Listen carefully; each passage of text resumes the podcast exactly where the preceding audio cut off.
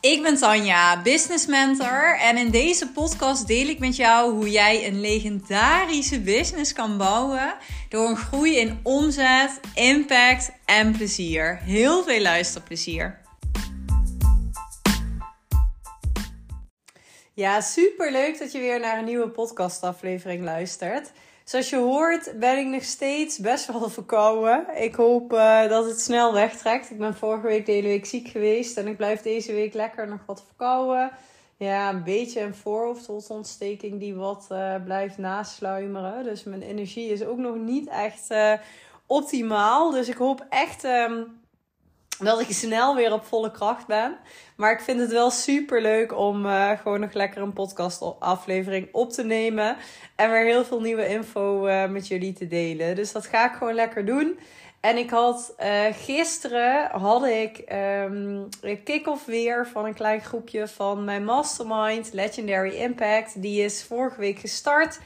Uh, weer met een nieuwe groep. En um, wat ik altijd doe in de eerste week is dat we in kleinere groepjes echt even een gameplan gaan maken. Dus dat we echt een plan maken waarin we de doelen en de prioriteiten en de strategie zetten voor de komende drie maanden. En nou, deze was vorige week door het ziek zijn uh, verschoven. Dus vandaar dat we die gisteren hadden.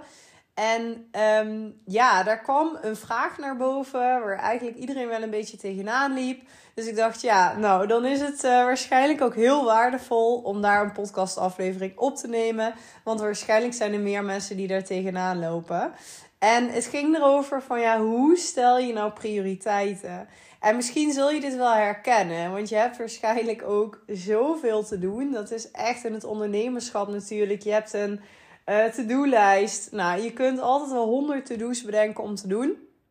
En er is zoveel wat je altijd in je hoofd hebt, wat anders kan, wat beter kan. En hoe breng je daar nou focus uh, in aan? Dus hoe zorg je nou dat je echt in een week prioriteiten stelt en dat je tussen alles wat je van jezelf moet doen, dat je ook echt prioriteiten uh, bepaalt. Dus dat je daar focus in krijgt. En wat ik eigenlijk altijd zeg, en ja, het, is, het, komt eigenlijk allemaal hierop neer, is dat als jij prioriteiten moet stellen en je moet gaan kijken van oké, welke taken gaan nu echt het verschil maken, dus welke moet ik zeker doen, dan is dat in de basis gewoon sales en content. Dus dat is voor mij echt gewoon de absolute basis. En natuurlijk heb je je klantwerk wat gewoon uh, door moet lopen. En je klanten die super goed geholpen moeten worden. En dat staat natuurlijk gewoon echt, ja, dat is gewoon logisch. Dus dat is de basis die je gewoon in je week hebt. En daarnaast zijn sales en content voor mij absolute prio's. Omdat die ervoor zorgen dat ik resultaat behaal. Dat ik nieuwe klanten binnenhaal. En ik kan altijd nog heel veel dingen bedenken. Van dingen die weer beter moeten. Of administratieve dingen. Of achter de schermen. Of mijn website die beter moet. Of mijn cursussen die ik weer wil upgraden. Of weet ik wat. Uh, maar in de basis is echt sales en content gewoon prio. Want als jij die aan de kant gaat schuiven dan ga jij niet groeien. Dan ga je geen nieuwe klanten binnenhalen of te weinig nieuwe klanten. Of dan ga je niet vooruitkomen. En je wil groeien, je wil in beweging blijven. En wat ik heel vaak zie, is dat we hier eigenlijk andersom naar kijken. Dus dat we juist een beetje die, die, die administratieve dingen en het gesleutel aan de achterkant en het werk voor klanten, dat we dat dus helemaal voorop stellen. En dat daar onze week eigenlijk al helemaal mee gevuld zit. En dat we dan denken: oh shit, ik moet ook nog sales doen. Ik moet ook nog, ik had nog iets moeten posten. En dat dat eigenlijk juist als laatste komt. Waardoor je dat te weinig doet, waardoor je dat niet voldoende consistent doet, waardoor je er niet voldoende aandacht en tijd aan besteedt, waardoor de kwaliteit misschien ook minder is. En ja, het is ergens ook logisch, want nou ja, wat ik heel vaak zie gebeuren is ook dat sales eigenlijk een beetje dat dat het allerlaatste is wat we doen.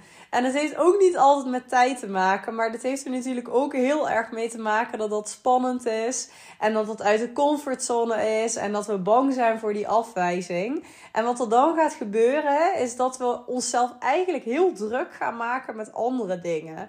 En dat voelt ook lekker, want het is lekker afleiding en we hebben ook het gevoel dat we echt van alles uh, aan het doen zijn zodat we maar gewoon niet die sales hoeven te doen.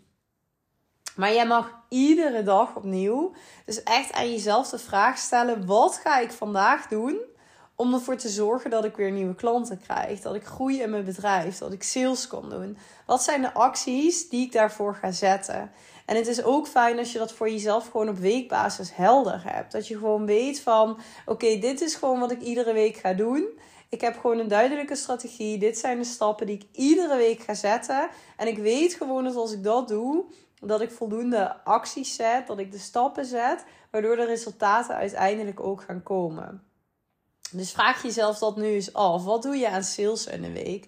Wat zijn de stappen die jij consistent zet om leads op te warmen, om bij klanten op de radar te komen, om te connecten met jouw doelgroep, om met mogelijke leads in contact te komen, om uh, ze weer misschien te kunnen uitnodigen voor een call of voor je aanbod? Of wat zijn, wat zijn de stappen die je, die je doet? Hoe vaak ben je echt zichtbaar in je stories? Hoe vaak verkoop je in je stories? Hoe vaak deel je je aanbod nu?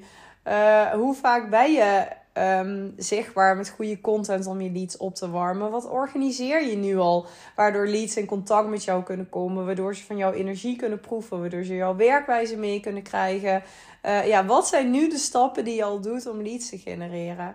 En waarschijnlijk mag je hier nog veel meer van gaan doen. Waarschijnlijk mag je nog veel proactiever gaan worden op het stukje sales. Dus maak dat absolute prio. Echt, ik kan het niet vaak genoeg benadrukken.